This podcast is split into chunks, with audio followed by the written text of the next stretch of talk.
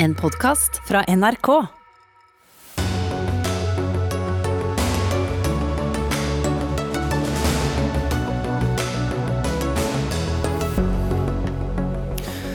FHI mener Norge bør avvise AstraZeneca-vaksinen, men det rådet vil ikke regjeringen følge foreløpig. En mindreårig gutt ransakes rundt kjønnsorganene av politiet på jakt etter narkotika. Videoen vekker sterke reaksjoner på sosiale medier. Politiet bryter loven, tordner Advokatforeningen. Arbeiderpartiet i medvind på meningsmålingene, og i dag startet landsmøtet. Er Super-Jonas tilbake, spør politisk redaktør. Og Biden kalte Putin en morder. Nå vil han møte kjeltringen ansikt til ansikt. Godt nytt for oss og verden, hevder forsker. Ja, Det er noen av sakene i Dagsnytt 18 denne torsdagen, der vi også skal høre at kommunene fikk altfor dårlig hjelp av staten for å takle koronaen. Men vi starter eh, med eh, ransaking og politiets eh, bruk av tvangsmidler, som jo er en del av debatten rundt den mye omtalte rusreformen. En video som viser en ung gutt blir ransaket av politiet, vekker svært sterke reaksjoner på sosiale medier. Der blir den mindreårige gutten bedt om å dra ned buksene for at politiet skal kunne ransake han rundt kjønnsorganene, samtidig som gutten roper ut 'nei, vær så snill, ikke se', osv. osv. Eh, Benedikte Bjørnland, eh, du er politidirektør, og eh, la oss ta dette med denne videoen først. Har politiet lov å kle av en gutt for å finne narkotika når de ikke har mistenkt ham for å selge stoff? Du kan si det at Enhver en ransaking skal jo tjene et formål, og det skal være skjellig grunn til mistanke for et straffbart forhold. Det skal være forholdsmessig, det skal være nødvendig og forsvarlig. Det skal regelmessig ikke gjennomføres ute i det offentlige rom. Det skal gjøres skånsomt på dertil egnet sted, eh, og av en tjenesteperson som er av samme kjønn mm. som den som ransakes. Var dette i tråd med lovverket? Eh, nå kan ikke jeg uttale meg om denne konkrete saken. men du, men du har sett den? Eh, jeg har sett den, og jeg vet at den saken er til etterforskning hos Spesialenheten for politisaker. Men Hvordan vurderer du den eh, rent personlig etter å ha sett den? Nei, altså Generelt, hvis man ser for seg, uten å ta, snakke om denne, da, men generelt en etterforskning ute i eh, friluft, eh, nede i en truse, det, er, det skal være særlige grunner, tenker jeg, som kan forsvare eh, at det skjer. For Det er nå snakk om hva som er lov og ikke lov når det gjelder ransaking uten at det er eh, sterk eh, mistanke om, eh, om ulovlige forhold, da f.eks. salg. I høringsuttalelsen fra Politidirektoratet så, så, står det som følger et gjeldende regelverk skaffer politiet gjennom ransaking og beslag viktig informasjon for å jobbe inn mot brukere og for å avdekke salgsapparat og bakmenn knyttet til omsetning av narkotika narkotika. Men eh, Riksadvokaten slår jo fast at eh, det å ransake bruker for å jakte på celler er ulovlig. Ja, De mener i hvert fall at det er grunn til å eh, presisere og tydeliggjøre eh, regelverket slik det nå forstås. Er du enig med Riksadvokaten eller med Rikspolitiet her? Nei, jeg tenker at vi Altså, jeg representerer jo ikke påtalemyndigheten. Jeg har ikke påtalemyndighet heller, ei heller direktiv- og instruksjonsmyndighet i den retning. Men vi retter oss selvfølgelig etter de føringer som nå kommer fra Riksadvokaten. Ja, men, nå, nå, ja, men, de, men, har ikke det vært der lenge? Disse reglene er gamle. Det har vært en, jeg tror nok det er uh, ulike oppfatninger av om dette her er uh, en, representerer faktisk en innskjerping, eller om det faktisk eh, er sånn som Riksadvokaten også mener, at det er en stadfestelse av gjeldende rett. Så praksisen som, som dere har eh, drevet med i over forholdsvis lang tid nå, eh, er den i tråd med det Riksadvokaten nå sender ut signaler om? Ja, det håper jeg. Eh, og så registrerer jeg jo også, og imøteser jo den gjennomgangen som Riksadvokaten har tatt et initiativ til gjennom statsadvokatembetene, eh, og for å sikre en etterlevelseskontroll av politiets og påtalemyndighetens bruk eh, av tvangsmidler. Men er dere enige? Du, altså, du, og Riksadvokaten? Ja, altså vi er gode kolleger og jo, vi forsøker å men, gå men, godt i takt. Men i akkurat denne saken her? Ja, altså for å si det sånn, her har Riksadvokaten eksklusiv myndighet.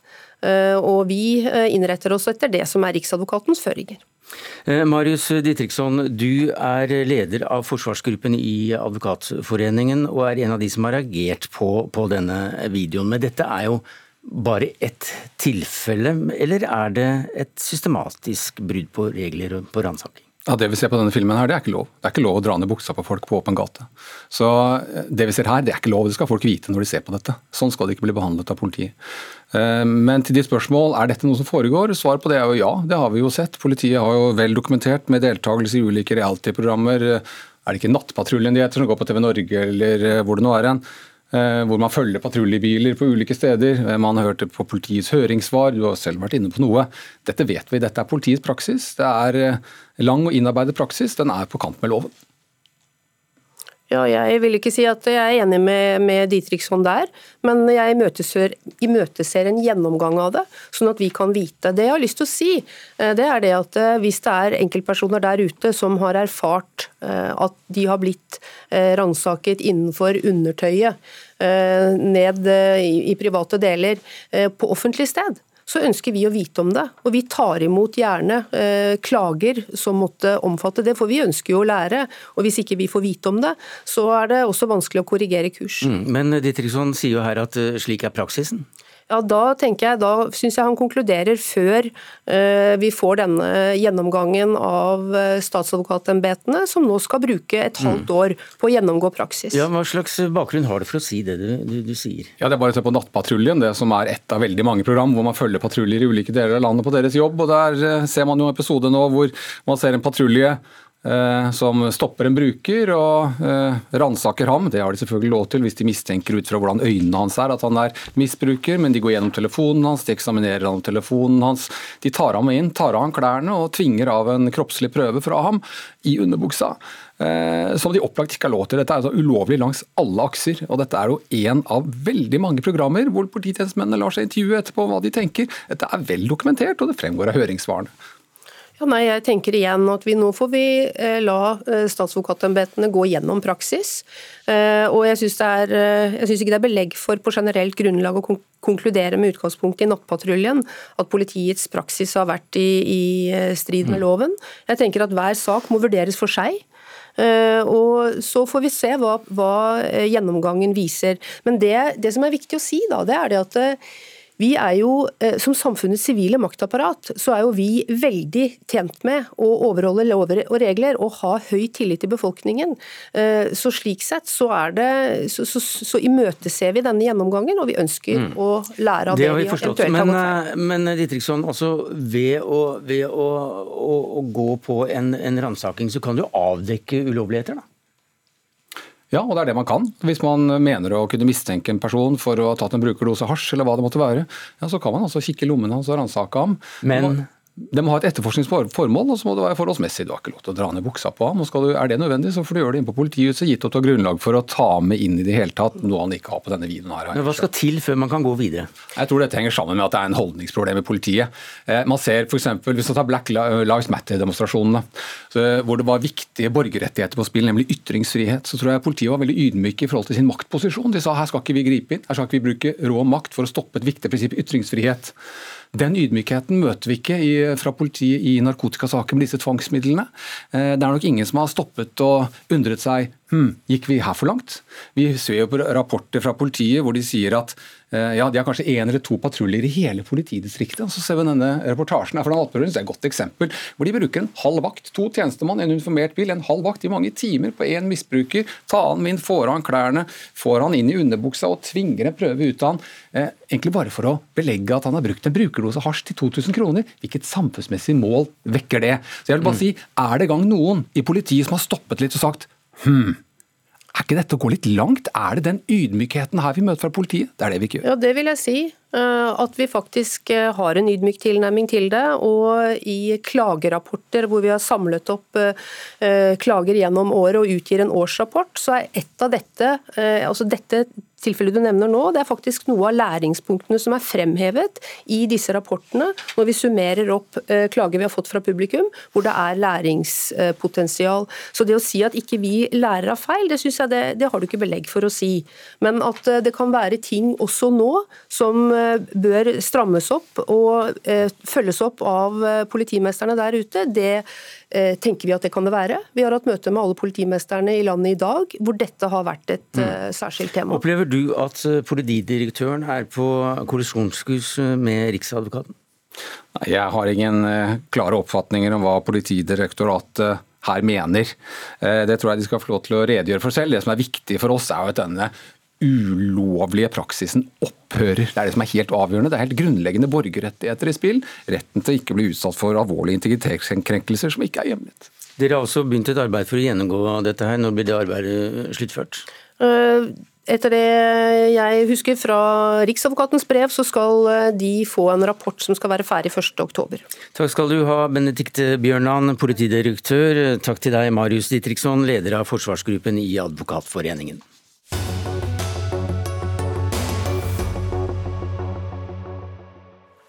Så skal vi til eh, finansverden, for eh, i dag så kom nyheten om at S-banken eh, de kjøpes opp av DNB. Norges største bank tilbyr aksjonærene i S-banken 11,1 milliarder kroner. S-banken, tidligere kjent som Skandiabanken, var den første rene nettbanken i Norge, og har vært en utfordrer til de store bankene. Konsernsjef i DNB, Kjerstin Bråten. Eh, hvorfor gjør dere det?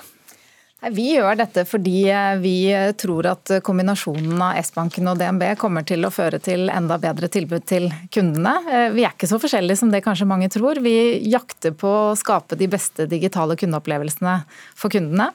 Og alle kunder har blitt mye mer digitale de, de senere årene. Og vi har begge eh, solide fagmiljøer innenfor mm. både teknologi og økonomi som vi gleder oss over muligheten til å kunne kombinere hvis aksjonærene eh, vil gjennomføre dette. Og De største aksjonærene har jo sagt eh, ja allerede, forstår jeg. Men eh, dere er jo da sikkert forberedt på å bli konfrontert med at eh, DNB ligger helt i bunnsjiktet når det gjelder popularitet blant banker, mens S-banken har toppet den lista år etter år. Ja, Vi opplever jo at uh, vi har mange kunder som er fornøyd, og jo mer ja, de bruker men, oss, så fornøyd de. Men, men nå snakker men, jeg altså om den rankingen som er gjort av et profesjonelt selskap. Eh, og jeg har veldig forståelse for at dette kommer brått på eh, mange.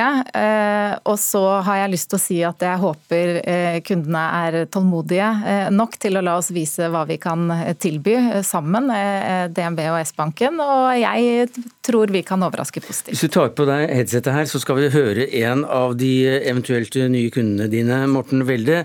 Du er en av de mange, vi registrerte nærmere 2000 i, i farta her, som har skrevet og tvitret om eh, at dere ikke er noe særlig fornøyd med disse oppkjøps, oppkjøpsplanene. Hvorfor det?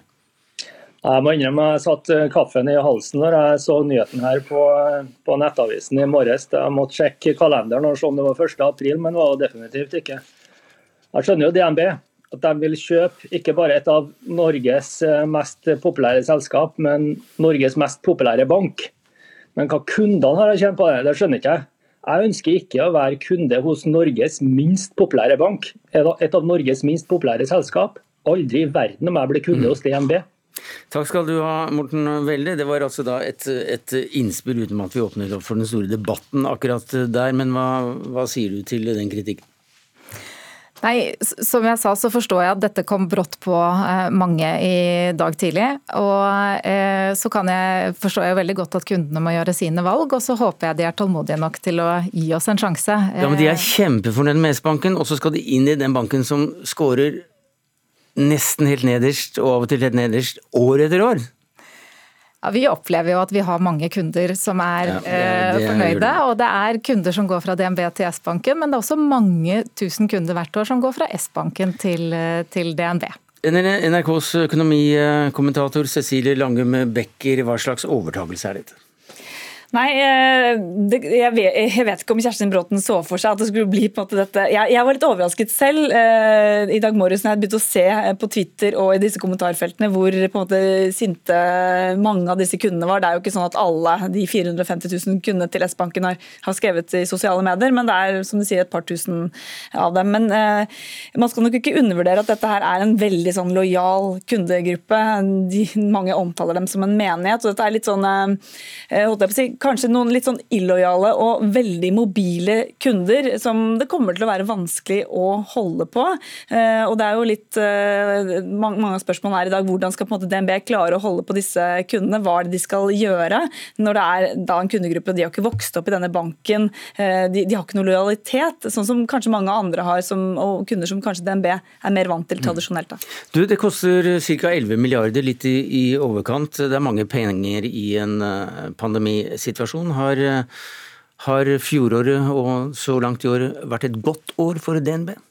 Jeg vil si at det har gått uh, overraskende bra med norsk økonomi og norsk næringsliv, uh, som også har bidratt til at uh, DNB relativt sett har gjort det bra. Det er selvsagt tøft for enkeltnæringer, og det er det i aller høyeste grad fortsatt. Men usikkerheten som var der for et år siden, og frykten for hvor galt det skulle gå, har, har ikke vist mm. seg å, å, å bli så ille, da. Vil S-banken beholde navnet sitt?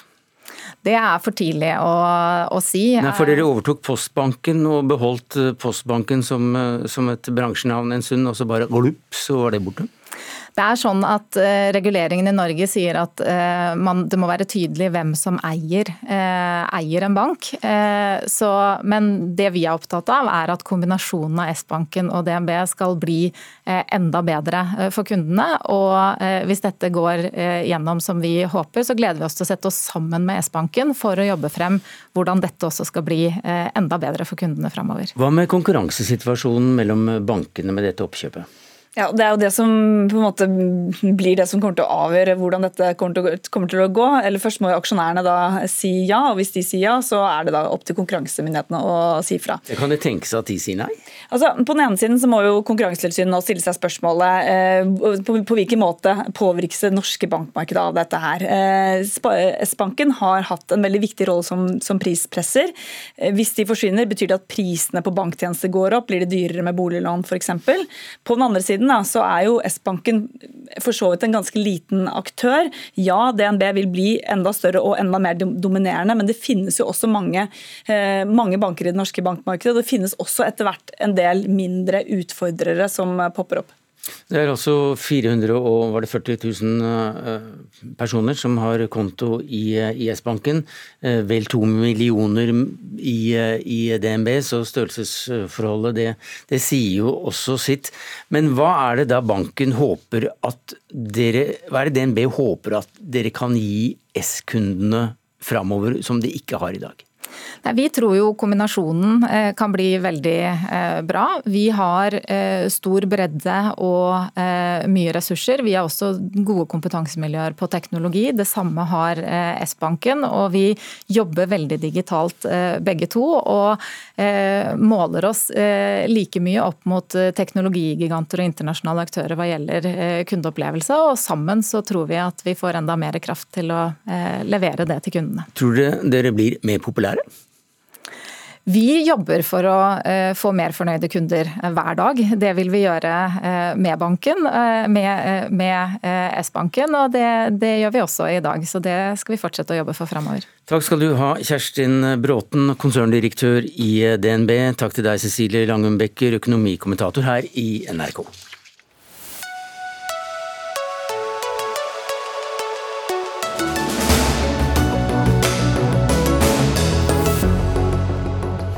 Ja, I dag kom også nyheten om at eh, Folkehelseinstituttet anbefaler at Norge ikke lenger skal bruke AstraZeneca-vaksinen i kampen mot eh, koronaviruset.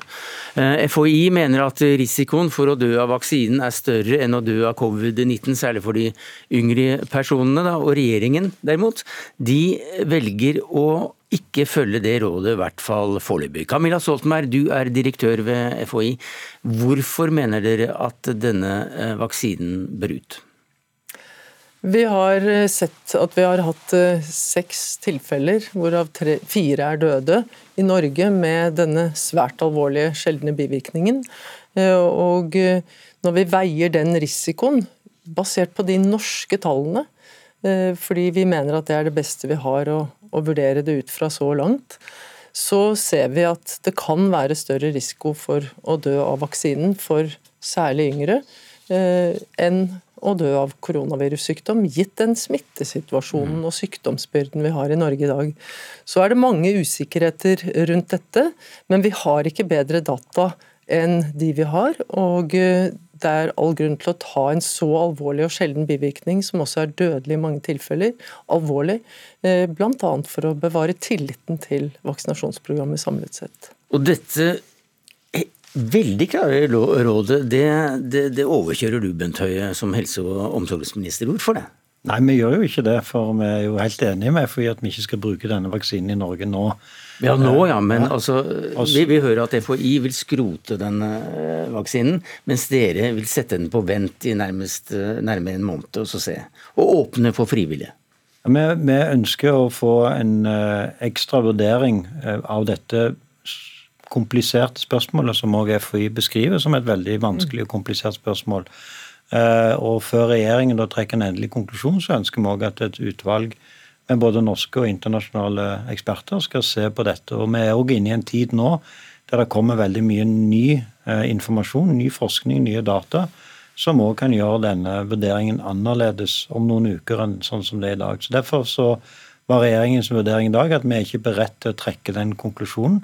Når vi skal trekke konklusjonen, så vil vi selvfølgelig òg legge stor vekt på FHI sine vurderinger og anbefalinger. Men hvorfor var du ikke beredt til altså hvilke, hvilke grunner har du til ikke å skrote den nå? Det må være noe samfunnsøkonomi, det må være noe samfunnshensyn å ta Det er to hovedgrunner til dette. Det ene er rett og slett eh, at vi har døren åpen for ny kunnskap. Eh, nye vurderinger knytta til internasjonale data, hvis det kommer som kan endre dette bildet.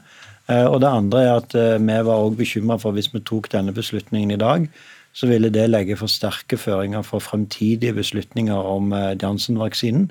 Og det er jo den vaksinen og beslutningen om den som vil ha størst betydning for det norske vaksinasjonsprogrammet og fremdriften i den. Mm. AstraZeneca-vaksinen er ikke så viktig for Norge sitt vaksinasjonsprogram som den andre eh, vaksinen i, av samme type, da, hvis vi skal bruke et enkelt ord, som, som, som regjeringen da var redd for at hvis vi tok en beslutning i dag knyttet til AstraZeneca, så ville det legge for sterke føringer for den neste vaksinen. og Derfor ønsket vi denne eh, nye vurderingen, som egentlig handler om begge disse to vaksinene. Ja, og Det er altså Janssen-vaksinen, som ja. også lages av Johnson Johnson-firmaet, sånn at det er litt ordforvirring her. Hva syns du om disse forklaringene? Jeg syns det er helt greit. Dette er noen av de vanskeligste vurderingene vi har gjort i koronavaksinasjonsprogrammet. Der er det mange vanskelige vurderinger, så det sier ikke så lite. Eh, og eh, vi har tatt utgangspunkt i forholdene i Norge og de tilfellene vi har, og den smittesituasjonen vi har. Og her er det internasjonale konsekvenser og sammenhenger som er viktige å se på, og også andre ting. Mm, så, vi hører samtidig at, at, regjeringen vil ha et eh, bedre grunnlag for å, å ta en beslutning eh, på. Så det, dere er ikke bra nok, da? Det må nesten spørre dem om. Eh, ja. ja altså, det, det, handler ikke om at den jobben som FHI har gjort, ikke er bra nok. Men det handler om at når det er vanskelige spørsmål, så er det òg av og til sånn at en tenker at da er det klokt å få noen andre øyne òg til å se på de problemstillingene, sånn at en breier ut grunnlaget. Og så er det òg et vesentlig moment at dette er et område der det, der kommer hele veien ny kunnskap. Uh, og, ja. og, og, og, det betyr at selv om dette utvalget har ganske kort tidsfrist, så kan det komme ny kunnskap i løpet av den perioden. Men det skal være frivillig. Altså hvis, hvis uh, jeg har veldig lyst på denne vaksinen, så kan jeg få den? Nei, det har vi ikke sagt. Men vi har sagt at det er et spørsmål som dette utvalget òg Eh, bør gi regjeringen et råd på. Eh, FHI har råda regjeringen i dag til at det ikke bør være frivillig å velge vaksine i et vaksinasjonsprogram. Eh, og så er det jo spørsmålet skal det være frivillig i Norge å velge en godkjent vaksine utenom vaksinasjonsprogrammet. og det, det må vi da få en vurdering av. Jeg må bare si til det at Det er frivillig med alle vaksiner, også i vaksinasjonsprogram. Jo, men Kan man si Eh, at jeg gjerne vil ha en Seneca-vaksine, selv om den da er for så vidt ute av programmet? Vi mener at vi ikke har mandat til å ta standpunkt til det, så det kan regjeringen ta standpunkt til. Ja, og da kan de se etter eh, løsninger for å tilby det, hvis svaret på spørsmålet er ja. Men innenfor programmet er vi i den spesielle situasjonen at vi ikke bare anbefaler vaksinen, vi oppfordrer sterkt til å ta vaksinen og legger til rette for det. Og da må vi være trygge på at vi anbefaler en vaksine som er trygg. Hva skjer med de som allerede har fått den første dosen? Ja, Det er jo et uh, spørsmål som også FHI uh, tar stilling til. Vurderer jeg hvilken andre dose de skal få. Det kan, kan Camilla Stoltenberg svare bedre De vil få tilbud om vaksine, og så har vi ikke tatt standpunkt til eh, hvilken vaksine og eh, akkurat når det skal skje. Men vi vil eh, svare på det spørsmålet ganske raskt. Men du, du nevnte da at én ting er akkurat denne vaksinen her. Atskillig viktigere for beslutningen til regjeringen er at eh, vi står foran eh, en mulighet for å få en massevis av denne Janssen til Johnson Johnson eh, inn i landet, og den døra vil dere ikke stenge. Hvor viktig blir Janssen? Ja, Den er viktig i den forstand at hvis vi nå ser på tilgangen på vaksine, dagens, det vi vet i dag, så vil vi, hvis vi verken bruker AstraZeneca-vaksinen eller Janssen-vaksinen, så risikerer vi en syv ukers forsinkelse av vaksinasjon og første dose for den yngste aldersgruppen, altså de mellom 18 og 44 år. Og der er syv uker i denne situasjonen som vi nå står i, vil oppleves som ganske vesentlig. og Det er jo noe av bakgrunnen for, for at vi har behov for å få en ny vurdering. Og så er det jo sånn at vi ikke vi må forberede oss på at vi ikke kan bruke disse to vaksinene. og Da jobber også FHI med gode råd og beslutninger knyttet til hvordan vi kan redusere de negative konsekvensene av eventuelt hvis det blir konklusjonen. Ja, Vi skal etter hvert eh, få inn eh, en tredjeperson som kan si noe om hva slags vaksine som står på trappene og eventuelt kan fylle igjen akkurat disse hullene her. Men eh, Camilla Stoltenberg, er det da trolig at Janssen også blir vraket av FHI ut ifra samme begrunnelse som, som denne eh, andre vaksinen? At at begge disse vaksinene er det som kalles for virusvektor i forhold til de andre som kalles RNA, av eh, grunner vi ikke skal komme veldig tungt inn i. Men eh, det er også da samme type teknologi i Janssen som i AstraZeneca.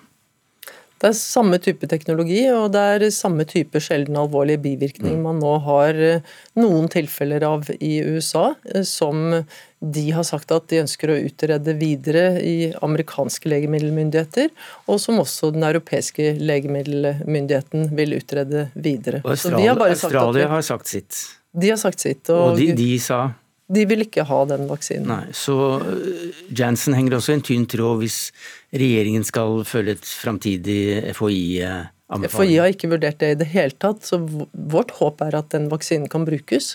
Fordi både den AstraZeneca-vaksinen eh, redder åpenbart liv, eh, og det er derfor dilemmaene her er så store.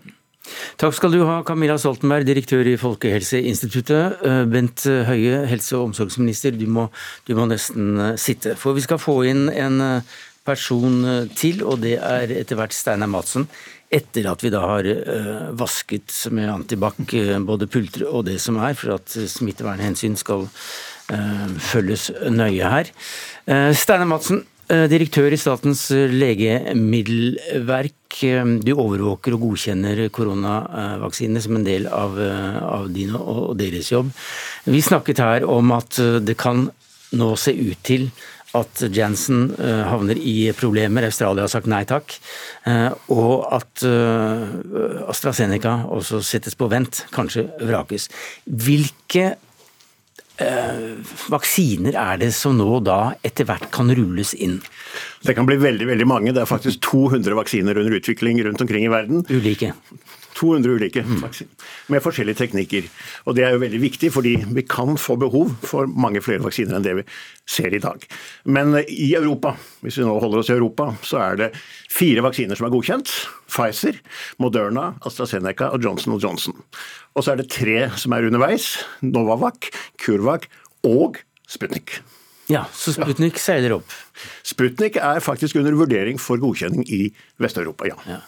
Eh, Du, du, sier at det er 200 medisiner, altså vaksinekonsepter, som nå eh, ligger og, og slurer i startgropa.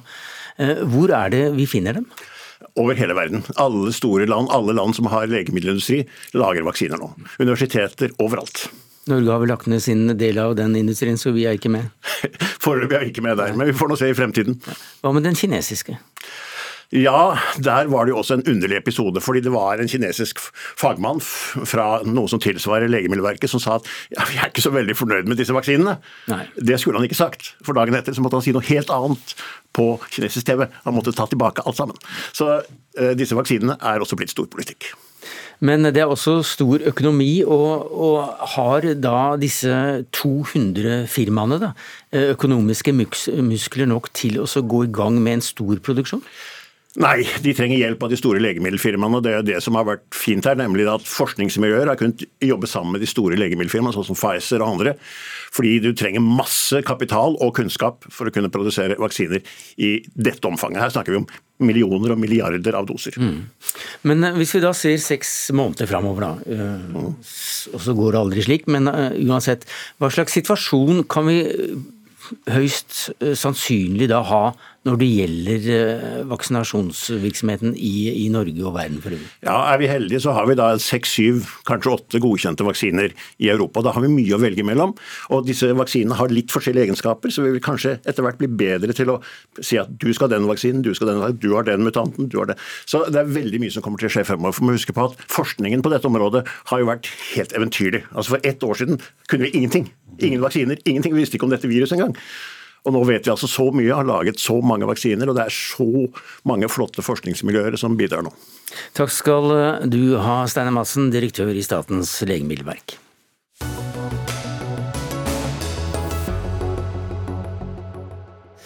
Men eh, Bent Høie han eh, sitter, for inn etter nok en rengjøring her, så kommer eh, Bjørn Arild Gram. Eh, koronakommisjonen, eh, som vi snakket om i går, mener altså at eh, kommunene ja, de sitter med veldig mye av ansvaret, og ganske så alene under koronapandemien. Kommunene som har vært i førstelinjen under pandemien, har fått mye større oppgaver enn de kunne være forberedt på, ifølge kommisjonen. Og leder i kommunesektorens organisasjon KS, Bjørn Arild Gram, hvor var det det skortet mest? Ja, først vil jeg si det. Altså, vi er glad for at rapporten nå kommer, for den bekrefter jo litt av det, det vi har prøvd å formidle underveis òg. Eh, at det har vært en del Mye har gått bra i det norske samfunnet, og kommunene har gjort sin del av jobben. Ja, og den Kommisjonen pekte da på hva som ikke hadde gått bra. og som, ja. Hvor er det skoen trykket mest? En av de plassene hvor skoen trykker mest, har jo handla om eh, informasjon ut. fordi at Mange av de tiltakene eh, og tiltaksnivåene som regjeringa har beslutta, har jo måttet blitt gjennomført ute i Kommune-Norge. Og Vi har jo mottok jo mange henvendelser underveis på at man har måttet følge med på hurtig innkalte pressekonferanser og, og fått informasjon gjennom det. og Det har ikke vært godt nok.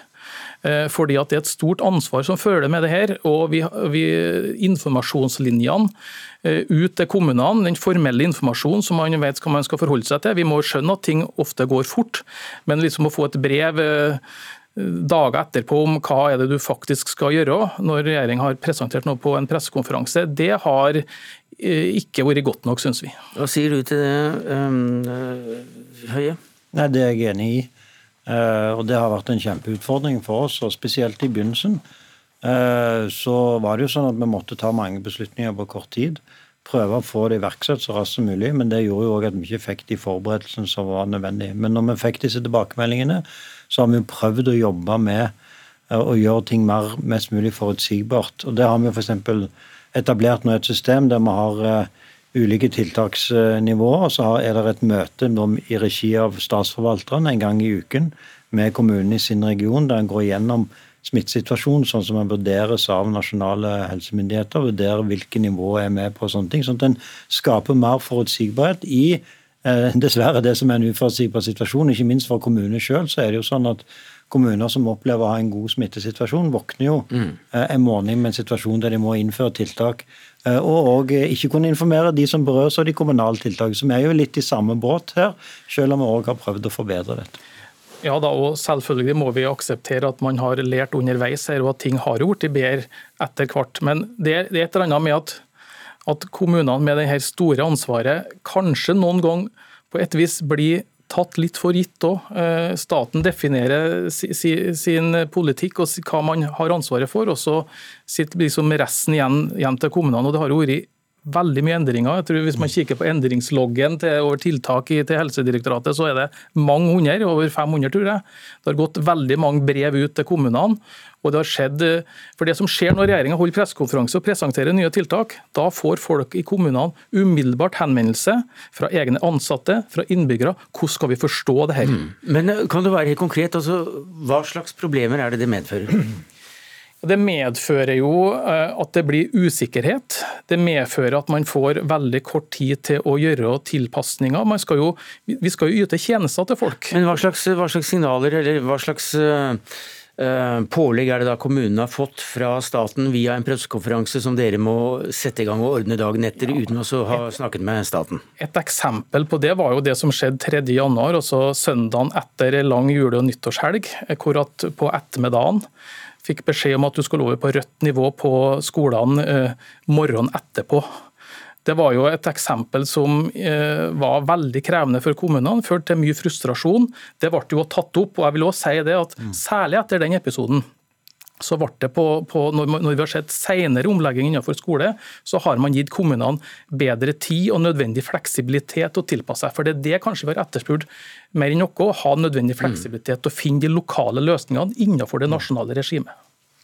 Nei, Det er helt riktig, og vi fikk jo en veldig tydelig tilbakemelding overfor kommunelegene etter den 3. januar-hendelsen, som gjorde jo også at vi gikk igjennom og kommunikasjonen med kommunelegene i samarbeid med Legeforeningen og for å lage bedre rutiner på, på, det. Og så er det klart at Siden den gang så har vi jo besluttet at akkurat når det gjelder nivået i skolen, så sier vi at det er hovedsak en lokal, kommunal eh, beslutning. Eh, det var det ikke 3. januar, nå er det det. og Det gir òg større fleksibilitet. så så jeg er jo helt enig i at uh, her har ting kunnet vært bedre. Vi har forbedra. Og så er det jo sånn at vi får jo denne evalueringen midt i en krise. og Det mm. betyr at regjeringen kommer jo også til å gå igjennom denne kommisjonen. Ikke bare se på hva vi kan lære for fremtidige kriser, men også se på hvordan kan vi forbedre oss ytterligere i den krisen. Men, men, vi, men, vi, har jo et veldig desentralisert eh, system her i landet, uh, mye på godt. Uh, og dermed så har jo kommunene et selvstendig ansvar for, for mye også under en pandemi. Absolutt, og det ansvaret har man jo tatt. Ifra... Men, men hva f.eks. da med beredskap av ja, noe så enkelt som eh, vernemasker eller utstyr? Ja, Vi har jo sett at det ble et stor utfordring på det, ikke sant? hvor forbruket eksploderte over natta. Og Det er jo et av de andre forholdene vi har tatt opp. For her var jo ikke Norge forberedt. her var jo Ingen, ingen hadde jo lagre som skulle svare ut der i det hele tatt. Bortsett fra Kina, som hjalp oss eh, via en helseminister. Ja da, og det, det er flott. og det var jo, Men det er klart, det her var jo, og særlig det første tida, da, var jo et av de andre temaene som var en gjenganger. Vi hadde mange diskusjoner om det. Vi skjønte at det var knapphet på smittevernutstyr og at det måtte rasjoneres på et eller annet vis. men vi sleit jo med å forstå den fordelinga mellom sykehus og kommunehelsetjenesten. Som, ja, for, for, sykehusene de fikk hvor mange prosent av De fikk 70% og så var det 10% på lager, og da var det 20 igjen til kommunene.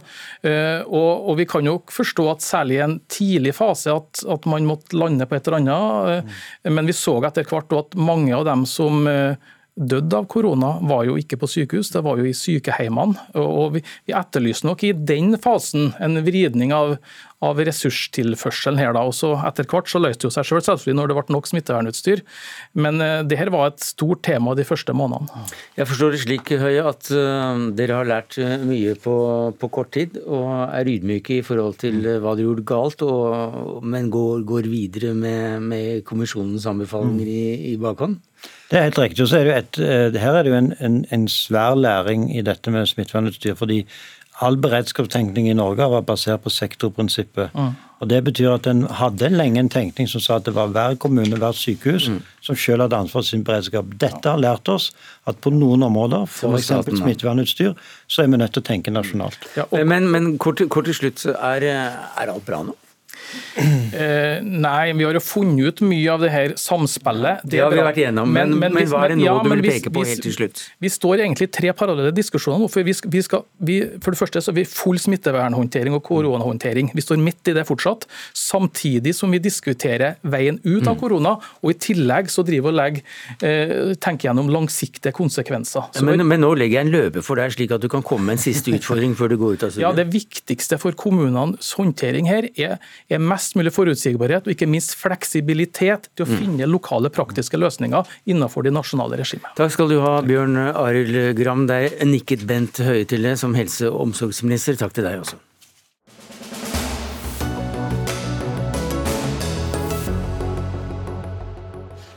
Ja, Først uh, kalte Biden Putin for en uh, drapsmann. Putin svarte med at uh, på seg selv så, så kjenner man andre.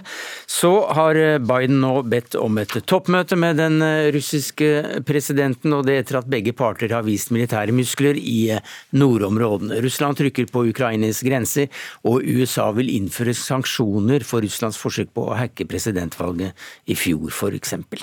Dette er en litt uoversiktlig materie som du må hjelpe oss med å rydde opp i. Hva skjer, seniorforsker ved Norsk utenrikspolitisk institutt, Karsten Friis? Ja, det, det, er mye som skjer. Eh, eh, men dette med et, et møte er jo ikke uvanlig. At, at, en ny amerikansk president møter med den russiske. Eh, og så er bakteppet ekstremt krevende. Det er mange konfliktsaker og ikke så veldig mye de er enige om. Så vi skal vel ikke ha altfor høye forhåpninger om at de akkurat løser disse store problemene, men, men en dialog er i hvert fall en, en begynnelse.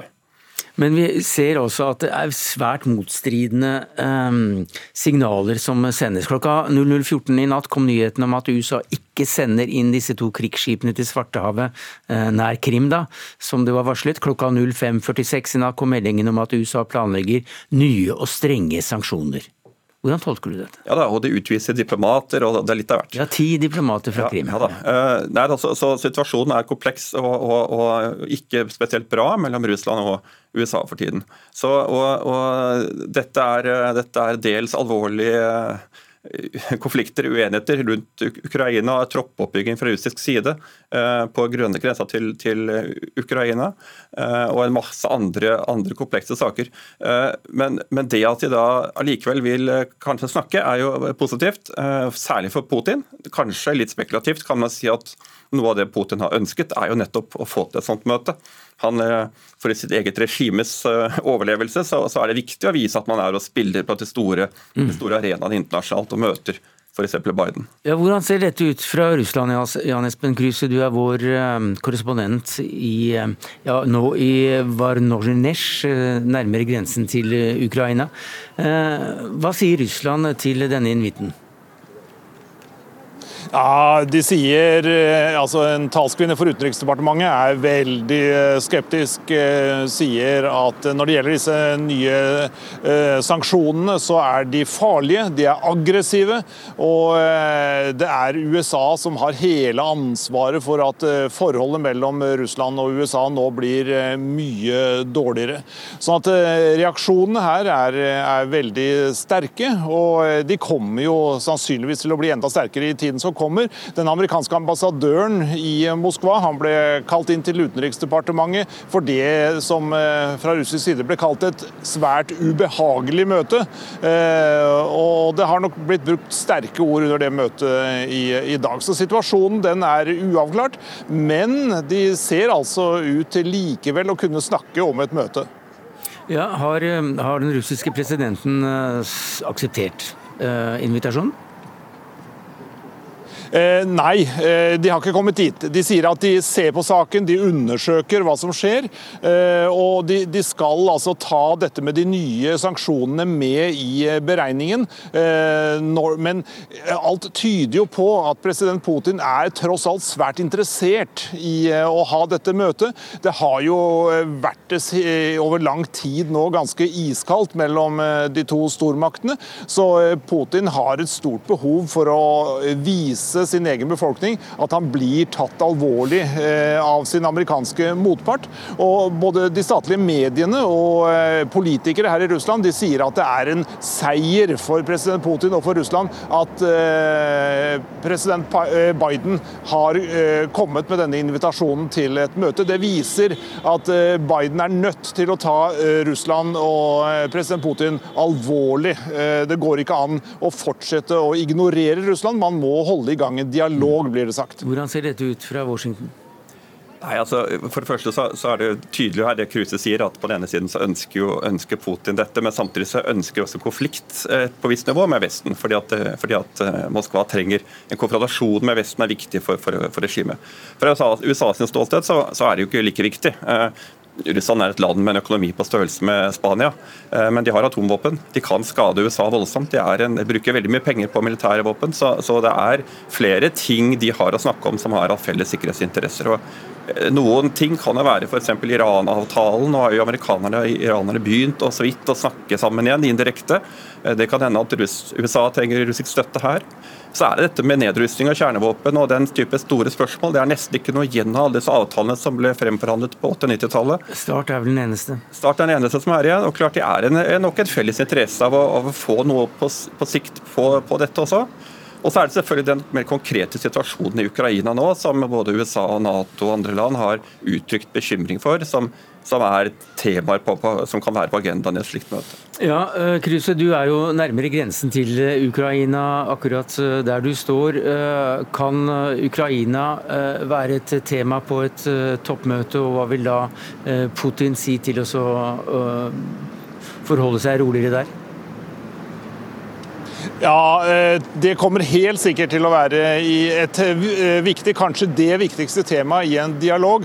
Men eh, Natos og USAs krav om at Russland skal trekke styrkene sine tilbake fra grenseområdet mot Ukraina, det kommer ikke russerne til å gå med på. De sier at de har full rett til å flytte sine militære styrker akkurat hvor de vil på sitt eget territorium. Og dermed fortsetter denne ganske vanskelige situasjonen og denne trusselen fra russisk side om at det, det kan komme et angrep hvis eh, russiske myndigheter skulle bestemme seg for det, et angrep eh, inn mot eh, Øst-Ukraina. Så russerne og Vesten er fryktelig langt fra hverandre i, denne, i denne, saken. Og det, er, det, ligger ikke an til noe tilnærming sånn som det er, men tross alt, det er viktig at de snakker sammen om, om denne konflikten, som har potensial til å, til å bli enda mer alvorlig. Eh, vi skal tilbake til forhandlingene her i Krus og kort til slutt. Hva er det Russland kan håpe å få ut av et møte med Biden, bortsett fra at de mener at det er en utenrikspolitisk seier bare å bli innkalt, eller bli bedt? Ja, ja, De håper jo på at det skal bli mulig å få i gang eh, flere forhandlinger om eh, begrensninger når det gjelder atomvåpen. Eh, de håper nok på at det skal være denne, denne gassrørledningen som går fra Russland til Tyskland, som snart er ferdigbygd, at den skal virkelig bli ferdig, og at det skal strømme russisk gass der. Det er viktig sett fra Russlands side. Og så snakker snakker, sier russerne hele tiden at det er viktig. Man bør heller samarbeide om f.eks. terror, eh, handel og andre viktige saker, eh, istedenfor å fortsette denne kranglingen. Men eh, de to presidentene står jo litt på hver sin planet. Mm. Avstanden mellom dem er veldig stor, og særlig når det gjelder dette med den politiske opposisjonen her i Russland, så er det kjempestor uenighet om det også. Eh, Karsten Friis, eh, kort til slutt. Eh, hva er det man kan forvente å få ut av et slikt toppmøte nå? Ja, jeg tror ikke vi skal forvente for mye. Men noe må vi. Men noe må det være, for det er ikke vits å møtes bare for å møtes. Så, for det har man gjort før. Ikke sant? Og, det, er, det, kan være kontraproduktivt. Så de, må, de, de som gjør forberedelsene i systemene, må, må finne noen temaer. Og da, da, er det det han nevnte, at man kanskje man kan komme i gang med å se på, på nedrustningsavtaler eller annen ting som har med, med, felles sikkerhet å gjøre. Men noen gjennombrudd, noen, noen store fredsavtaler, tror jeg neppe vi kan forvente. Takk skal du ha, Karsten Friis, seniorforsker ved NUPI, og til deg, Jan Espen Kruse, vår NRK-korrespondent nå i Varnonesh.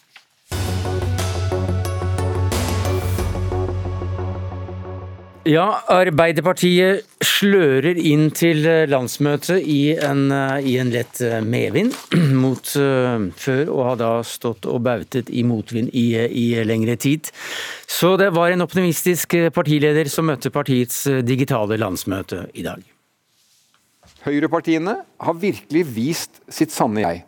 De sa nei til krav om at krisepenger bare skal gå til seriøse bedrifter. Nei til bonusnekt og utbyttefrys for bedrifter som får krisehjelp av samfunnet. Nei til feriepenger for arbeidsledige. Og hver gang og ved hver anledning et helhjertet ja til kutt i formuesskatten. Ja, Siv Sandvik, som politisk redaktør i Adresseavisen, så spør du om det er Super-Jonas som er tilbake. Er han det? Min eh, kollega Cato Nyquist eh, som stilte spørsmålet. og det er jo Bare det at det ordet nå er henta fram eh, fra glemsel, og at debatten går rundt hvorfor det nå går litt bedre for Arbeiderpartiet, er jo veldig godt nytt. Spesielt for Jonas Gahr Støre. Han har jo, ofte så har jo debatten rundt han vært hvor stort problem han er for partiet. Mens nå er det jo mer ro i rekkene, og den roa smitter jo også over på partilederen. Og så er jo sannheten at han har jo sikkert aldri vært noe, supermenneske. Og at uh, klengenavnene som Vingle-Jonas og Tåkefyrste også har vært urettferdig. Men den tryggheten han viser nå, da kan vi i hvert fall si at Trygge-Jonas er tilbake. Og det er godt nytt for Arbeiderpartiet inn i valgkampen. Ja, Magnus Takvam, politisk kommentator i NRK. Du har fulgt landsmøtet i dag. Hva var det viktig for Støre å si?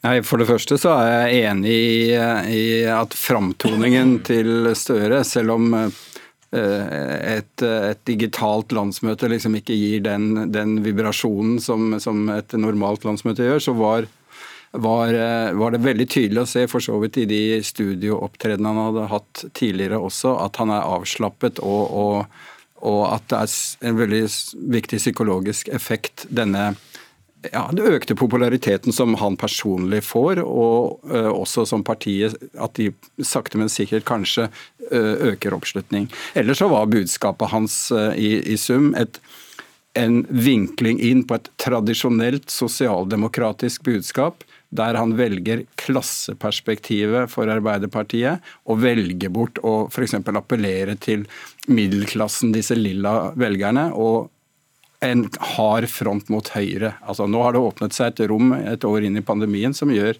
tror jeg, at det er mulig da å, å si at også Solberg og Høyre er sårbare. De har liksom mm. mista litt av teflon-effekten. Ja, Siv Sandvik, dette møtet eh, skal, landsmøtet skal pågå noen dager. Hva er det viktigste uh, som kan komme ut av det sett med partiledelsens uh, briller i et valgår? Nei, for mens eh, vi kommentatorer og journalister har jo prata mest om eh, hvor de ender i, i, rusreformen, så er jo det viktigste for eh, ledelsen i Arbeiderpartiet er jo ikke hvordan de stiller seg til et forslag fra regjeringa, men om partiet framstår samla. For det har jo nettopp vært det som har vært Arbeiderpartiets store svakhet i, i de siste fire årene, minst, er jo at det har vært mye mer snakk om de interne stridighetene, spesielt i, der jeg er, i, i Trøndelag, men også ellers i landet. Så det at de fremstår som et samla lag, og at de har et tydelig eh, budskap, og at alle sammen snakker om det samme og vil eh, gå samme vei, det tror jeg nok er hovedmålet for eh, ledelsen i mm. Arbeiderpartiet. Men vi journalister gjør vel ikke jobben vår hvis vi ikke prøver å legge inn noen kiler inn i denne uenigheten, Takvam, og hva kommer til å bli de vanskeligste sakene på landsmøtet? Altså, Den vanskeligste saken er jo den åpenbare debatten om eh, regjeringens forslag til avkriminalisering av narkotikabruk i små doser. Eh, rusreformen, rett og slett. Og der sitter eh, partiets redaksjonskomité, om de ikke gjør det akkurat nå, men de er ennå ikke ferdig med det de har prøvd å få til en eller annen slags brobygging mellom de ulike synene i partiet. Det er en kjempevanskelig prinsipiell sak. Men er den veldig viktig for ja, altså, partiet? Ja, den er eh, sosialpolitisk veldig viktig og veldig spennende. Og det er veldig sterk, sterkt engasjement rundt den. men hvis du tenker på uh, hvor, hvor, uh, hvor, risikabel den er som et konflikttema internt i Arbeiderpartiet, så vil jeg ikke si at mm. den, den, er så, så, så, farlig, fordi det er en legitim diskusjon. Mm. Det er forståelig at det er ulike syn. Bernt Årdal, du er professor emeritus i statsvitenskap ved Universitetet i Oslo. og Vi begynte altså denne saken med å si at de slører i lett medvind, dette Arbeiderpartiet nå. Hvor mye framgang har det? Nei, Den er jo ikke så veldig stor. Senest i januar så var de nede på et eh, snitt på meningsmåling på 20,4. Og de målingene som har vært i april, så er det på 22,9, altså 2,5 prosentpoeng. Men det som kanskje er vel så viktig, det er jo at eh, målinger som eh, har gått på hvem man vil ha som statsminister, har vist en del positive tegn nå for Støre. Faktisk flere forskjellige målinger har vist at han har knappet inn på det forspranget som Erna har hatt. Altså hun har gått ned, og han har har gått opp. Og Det tror jeg nok eh, kanskje også ligger bak denne eh, hva skal vi si, eh, hyllesten eller, eller begeistringen, i hvert fall innad i Arbeiderpartiet, at nå går det så meget bedre. Ja, for vi, vi har jo sett at det, det, jo da kun er to prosentpoeng det er snakk om, men at det virkelig gjør noe med, med partiet slik det framstår. Det skal ikke så mye til? da? Nei, og det, de, de, har jo vært eh, nødt til å venne seg til et nivå som ligger jo veldig langt unna det de er vant til. 36,9 for eksempel? Ja, for eksempel. Det ville jo vært et storartet resultat i dag. Eh, de fikk jo 35 eh, ved det valget også. Men, men hvis vi ser dette i et litt sånn historisk perspektiv, så vi må jo mer enn 30 år tilbake, og kanskje enda mye lenger tilbake, for at de skal ligge lavere på tilsvarende tidspunkt i et valgår. Men hva med da grunn grunnfjellet når det gjelder velgere. Eh, hva slags politikk er det, er det som treffer dem? Det er jo si, 10 000 kroner spørsmålet for alle, alle, partier. Og Noen ganger så virker det som at partiene er litt overrasket når det går bra også. Oi, dette var vi ikke helt forberedt på. Eh, så det kan være et samspill av veldig mange, mange faktorer. For Arbeiderpartiet så tror jeg nok at utfordringen nå, etter, og det går helt tilbake til regjeringsskiftet i 2013, er at man har ikke klart å etablere seg som det sentrale og dominerende opposisjonspartiet.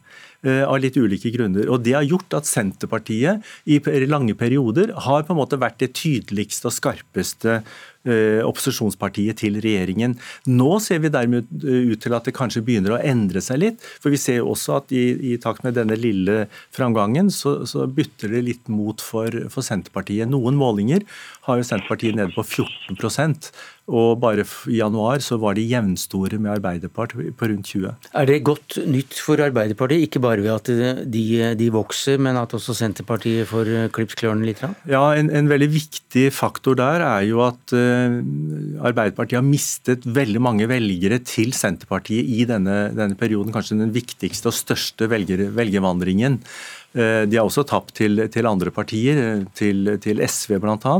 Men, men det at, at Senterpartiet nå sliter litt med oppslutningen, og særlig hvis dette kan gi litt bedre målinger i distriktene, og kanskje særlig i Nord-Norge, så tror jeg dette vil være en enorm boost for, for Arbeiderpartiet. Og Det er én viktig side ved meningsmålinger i det hele tatt, og det er den psykologiske effekten det har innad i partiene. Mm. Og Vi ser det nå, altså denne lille framgangen og disse bedre tallene for, for Støre som statsministerkandidat, det kan på en måte plutselig frigjøre masse energi innad i partiet, og det trenger de når de skal gå ut i en valgkamp. Vi skal nok snakke mer om eh, Arbeiderpartiet og landsmøtet mer konkret, eh, bl.a.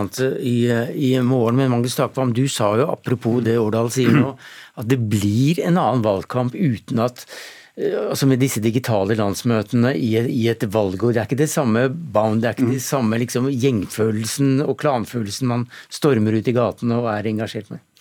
Nei, Jeg er veldig spent på hvordan det slår ut. Både skal vi si, formen på, på valgkamp, hvordan politikerne, øh, hvilke muligheter de har til å møte velgerne. Også det selvfølgelig sosiale fellesskapet som f.eks. et landsmøte normalt er.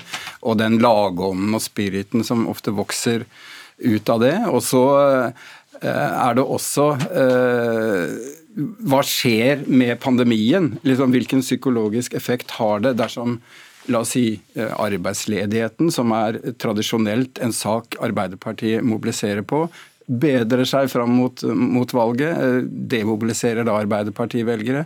Eh, hva, hva, skjer hvis regjeringen får æren for at nå kan folk slappe av, osv. Så, videre. så det er masse, føler jeg, usikre faktorer mm. på mange måter her. Men foreløpig så ligger eh, opposisjonen godt an til å overta regjeringsmakten etter valget til høsten? Ja da, det har de jo gjort i en, i en tid. Altså, de tre tidligere regjeringspartnerne på rød-grønn side har jo et flertall alene. Og hvis du legger til Rødt og, og MDG, så ligger de jo over 100 mandater. Mm. Men, eh, men som, som, Magnus er inne på, eh, vi har sett det tidligere at det kan være en, endringer i løpet av en valgkamp som snur litt opp ned på dette. F.eks. For, for fire år siden? For eksempel. Mm. Det har mye skjedd under Arendalsuka? Ja, Da fikk de Arbeiderpartiet altså en, en, kjempedårlig måling, og det skapte en, eh, en, eh, dårlig start på innspurten. Takk skal dere ha, Siv Sandvik, politisk redaktør i Adresseavisen, Magnus Takvam, politisk kommentator i eh, NRK, og til deg, Bernt Årdal, professor emeritus i statsvitenskap ved Universitetet i Oslo. Det var det vi rakk i dag. Ansvarlig for det hele Anne Katrin Føle, teknisk ansvaret hadde Frode Thorshaug, jeg heter Sverre Tom Radøy. Du har hørt en podkast fra NRK. Hør flere podkaster og din NRK-kanal i appen NRK Radio.